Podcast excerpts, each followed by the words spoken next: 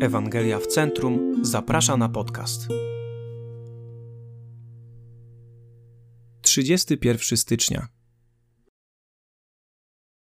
Jeśli jesteś Bożym dzieckiem, to już nie staniesz sam przeciwko całemu światu, jak Dawid nie stawał sam przeciwko Goliatowi. Uwielbiam historię o armii Izraelitów w Dolinie Dębów, gdy stanęli naprzeciw armii filistyńskiej. Pierwszego dnia starcia wyszedł do przodu wielki wojownik, Goliat. Wezwał Izraelitów, by posłali swojego najlepszego człowieka, który stawiłby mu czoła. Pamiętajmy, że żołnierze izraelscy byli armią najwyższego Boga, wszechmogącego Pana, który obiecał, że wyda im ich wrogów. A co uczynili ci żołnierze? Natychmiast przepełnił ich strach i wycofali się do swojego obozu, by się nad sobą poużalać. Możemy wyobrazić sobie, co mówili. I co my teraz zrobimy? Co poczniemy? Taka była ich postawa przez czterdzieści dni. Dlaczego żołnierze nie odpowiedzieli na wyzwanie Goliata? Dlaczego nie walczyli w imieniu swojego pana? Odpowiedź jest jasna i ewidentna. Mieli amnezję tożsamości.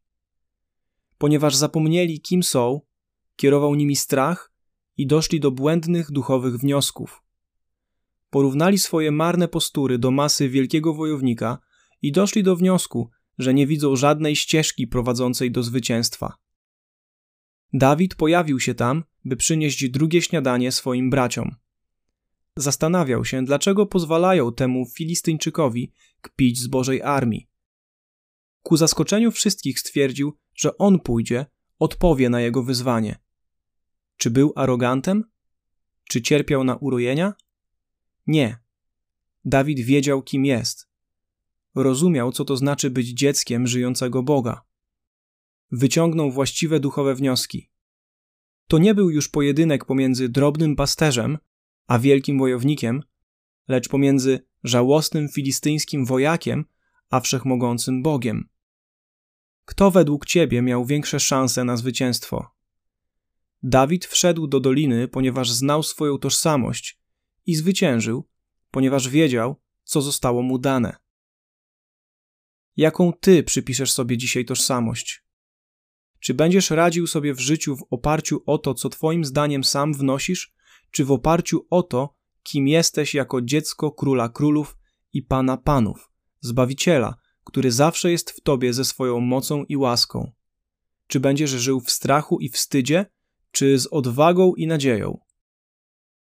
Czy będziesz ze strachu unikał wyzwań wiary, czy podejmiesz je, opierając się nie na własnych umiejętnościach, lecz na obecności, mocy i łasce tego, kto panuje nad wszystkim i stał się Twoim Ojcem. Niech Bóg da Ci łaskę, byś pamiętał o swojej tożsamości jako dziecka w tych chwilach, gdy pamięć o tym jest nieodzowna. Dalsze rozważania i zachęta List do Efezjan 1, 3, 14.